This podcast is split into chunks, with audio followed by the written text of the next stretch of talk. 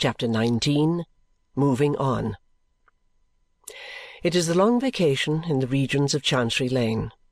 The good ships Law and Equity, those teak built, copper bottomed, iron fastened, brazen faced, and not by any means fast sailing clippers, are laid up in ordinary. The Flying Dutchman, with a crew of ghostly clients imploring all whom they may encounter to peruse their papers, has drifted for the time being heaven knows where. The courts are all shut up, the public offices lie in a hot sleep, Westminster Hall itself is a shady solitude where nightingales might sing, and a tenderer class of suitors than is usually found there walk. The Temple, Chancery Lane, Serjeant's Inn, and Lincoln's Inn, even unto the Fields, are like tidal harbours at low water, where stranded proceedings, officers at anchor, idle clerks lounging on lopsided stools that will not recover their perpendicular until the current of term sets in, lie high and dry upon the ooze of the long vacation. Outer doors of chambers are shut up by the score, messages and parcels are to be left at the porter's lodge by the bushel. A crop of grass would grow in the chinks of the stone pavement outside Lincoln's Inn Hall, but that the ticket porters, who had nothing to do beyond sitting in the shade there, with their white aprons over their heads to keep the flies off, grub it up and eat it thoughtfully. There is only one judge in town. Even he only comes twice a week to sit in chambers. If the country folks of those assize towns on his circuit could see him now! No full-bottomed wig, no red petticoats, no fur, no javelin men, no white wands, merely a close-shaved gentleman in white trousers and a white hat, with sea bronze on the judicial countenance and a strip of bark peeled by the solar rays from the judicial nose, who calls in at the shell-fish shop as he comes along and drinks iced ginger beer. The bar of England is scattered over the face of the earth. How England can get on through four long summer months without its bar, which is its acknowledged refuge in adversity and its only legitimate triumph in prosperity, is beside the question. Assuredly that shield and buckler of Britannia are not in present wear. The learned gentleman who is always so tremendously indignant at the unprecedented outrage committed on the feelings of his client by the opposite party that he never seems likely to recover it is doing infinitely better than might be expected in Switzerland. The learned gentleman who does the withering business and who blights all opponents with his gloomy sarcasm is as merry as a grig at a French watering place. The learned gentleman who weeps by the pint on the smallest provocation has not shed a tear these six weeks. The very learned gentleman who has cooled the natural heat of his gingery complexion in pools and fountains of law until he has become great in knotty arguments for term time, when he poses the drowsy bench with legal chaff, inexplicable to the uninitiated, and to most of the initiated too, is roaming with a characteristic delight in aridity and dust about Constantinople. Other dispersed fragments of the same great Palladium are to be found on the canals of Venice at the second cataract of the Nile, in the baths of Germany, and sprinkled on the sea sand all over the English coast. Scarcely one is to be encountered in the deserted region of Chancery Lane.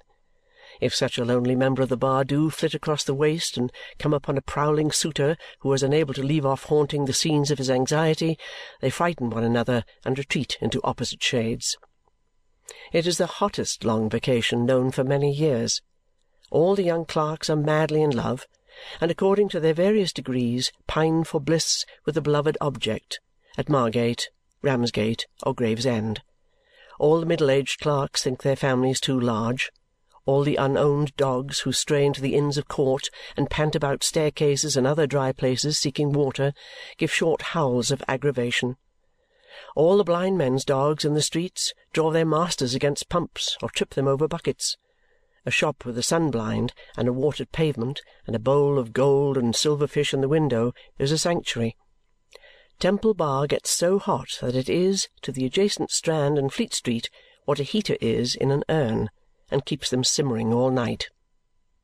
There are offices about the Inns of Court in which a man might be cool, if any coolness were worth purchasing at such a price in dullness, but the little thoroughfares immediately outside those retirements seem to blaze. In Mr. Krook's court it is so hot that the people turn their houses inside out and sit in chairs upon the pavement, Mr. Krook included, who there pursues his studies with his cat, who never is too hot, by his side.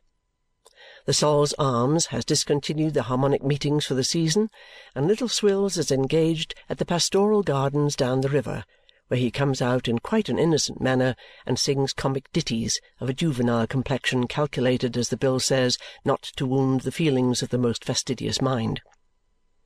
Over all the legal neighbourhood there hangs, like some great veil of rust or gigantic cobweb, the idleness and pensiveness of the long vacation. Mr. Snagsby, law stationer of Cook's Court, Cursitor Street, is sensible of the influence not only in his mind as a sympathetic and contemplative man, but also in his business as a law stationer aforesaid. He has more leisure for musing in Staple Inn and in the Rolls Yard during the long vacation than at other seasons. He says to the two 'prentices what a thing it is in such hot weather to think that you live in an island with the sea a rolling and a bowling right round you.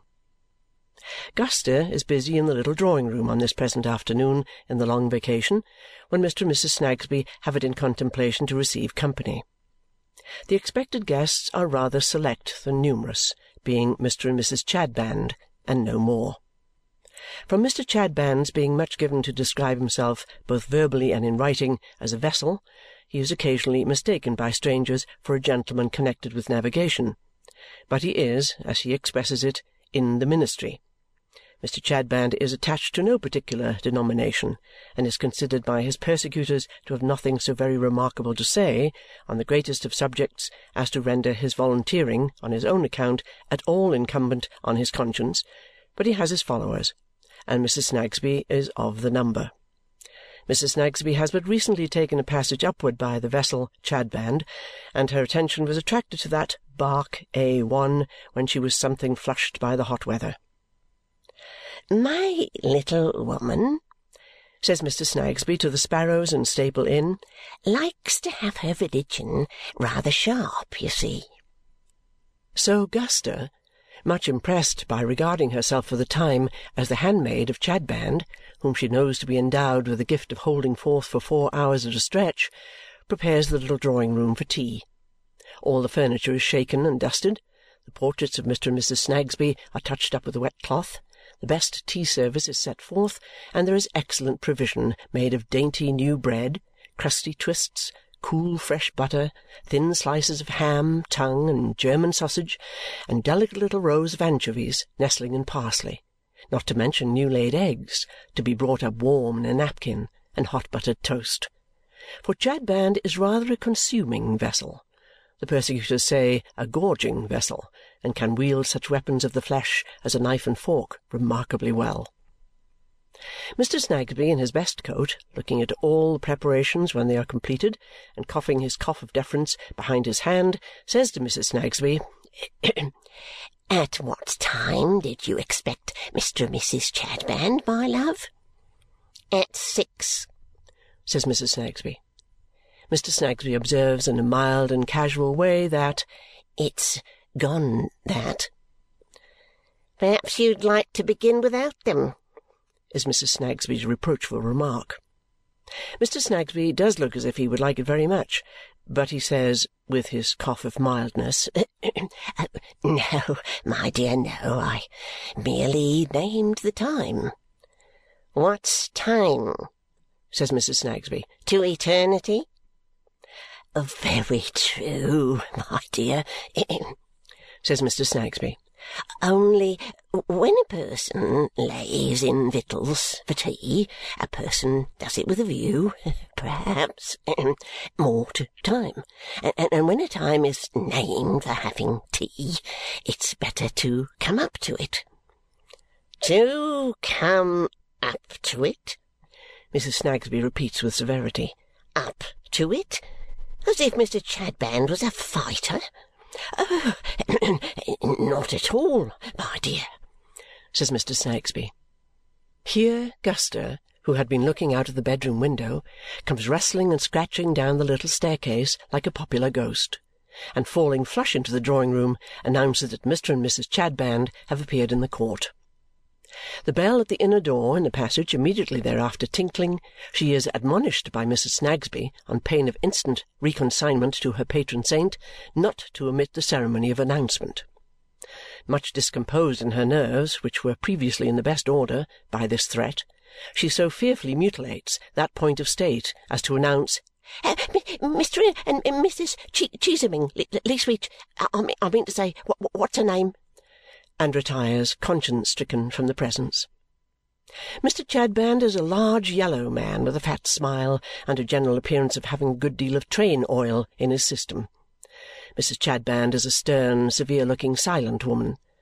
Mr. Chadband moves softly and cumbrously, not unlike a bear who has been taught to walk upright. He is very much embarrassed about the arms, as if they were inconvenient to him and he wanted to grovel, is very much in a perspiration about the head, and never speaks without first putting up his great hand, as delivering a token to his hearers that he is going to edify them. "My friends," says Mr. Chadband, "peace be on uh, this house, on the master thereof, on the mistress thereof, on the young maidens, and on the young men.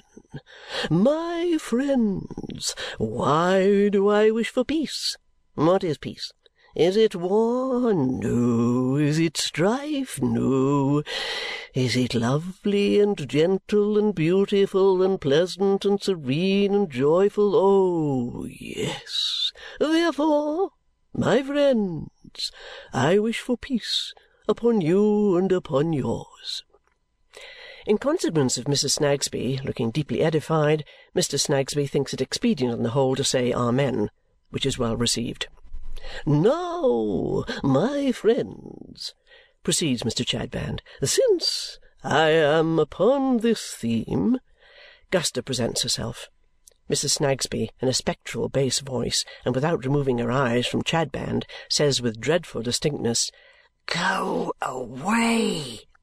"Now, my friends," says Chadband, "since I am upon this theme and in my lowly path improving it Guster is heard unaccountably to murmur, "One thousand seven hundred and eighty-two." The spectral voice repeats more solemnly, "Go away!" "Now, my friends!" says Mr. Chadband. "We will inquire in a spirit of love." Still Guster reiterates, "One thousand seven hundred and eighty-two." Mr. Chadband, pausing with the resignation of a man accustomed to be persecuted and languidly folding up his chin into his fat smile, says, "Let us hear the maiden speak. Speak, maiden. One thousand seven hundred and eighty-two, if you please, sir, which he wished to know what the shilling were for," says Guster, breathless. "For?" returns Mrs. Chadband. "For his fare." Guster replies that he insists on one and eightpence or on summonsizing the party. Mrs. Snagsby and Mrs. Chadband are proceeding to grow shrill in indignation when Mr. Chadband quiets the tumult by lifting up his hand. "My friends," says he, "I remember a duty unfulfilled yesterday. It is right that I should be chastened in some penalty. I ought not to murmur. Rachel, pay the eightpence. While Mrs. Snagsby, drawing her breath, looks hard at Mr. Snagsby, as who should say, You hear this apostle? And while Mr. Chadband glows with humility and train oil, Mrs. Chadband pays the money. It is Mr. Chadband's habit it is the head and front of his pretensions indeed to keep this sort of debtor and creditor account in the smallest items and to post it publicly on the most trivial occasions. "My friends!" says Chadband. "Eightpence is not much. It might justly have been one and fourpence. It might justly have been half a crown. Oh, let us be joyful, joyful, oh, let us be joyful!" With which remark, which appears from its sound to be an extract in verse, Mr. Chadband stalks to the table and before taking a chair lifts up his admonitory hand. "My friends!" says he. What is this which we now behold as being spread before us? Refreshment? Do we need refreshment, then, my friends? We do. And why do we need refreshment, my friends? Because we are but mortal, because we are but sinful, because we are but of the earth, because we are not of the air. Can we fly, my friends? We cannot. Why can we not fly, my friends? Mr. Snagsby, presuming on the success of his last point, ventures to observe in a cheerful and rather knowing tone, "No wings," but is immediately frowned down by Mrs. Snagsby. "I say, my friends," pursues Mr. Chadband, utterly rejecting and obliterating Mr. Snagsby's suggestion, "why can we not fly? Is it because we are calculated to walk? It is. Could we walk, my friends, without strength? We could not. What should we do without strength, my friends? Our legs would refuse to bear us, our knees would double up, our ankles would turn over, and we should come to the ground. Then from whence, my friends, in a human point of view, do we derive the strength that is necessary to our limbs? Is it, says Chadband, glancing over the table, from bread? In various forms, from butter, which is churned from the milk, which is yielded unto us by the cow, from the eggs which are laid by the fowl, from ham, from tongue, from sausage, and from such like? It is. Then let us partake of the good things which are set before us. The persecutors denied that there was any particular gift in Mr. Chadband's piling verbose flights of stairs, one upon another, after his fashion but this can only be received as a proof of their determination to persecute, since it must be within everybody's experience that the Chadband style of oratory is widely received and much admired. Mr. Chadband, however, having concluded for the present, sits down at Mr. Snagsby's table and lays about him prodigiously. The conversion of nutriment of any sort into oil of the quality already mentioned appears to be a process so inseparable from the constitution of his exemplary vessel that in beginning to eat and drink he may be described as always becoming a kind of considerable oil mills or other large factory for the production of that article on a wholesale scale. On the present evening of the long vacation, in Cook's Court, Cursitor Street, he does such a powerful stroke of business that the warehouse appears to be quite full when the works cease.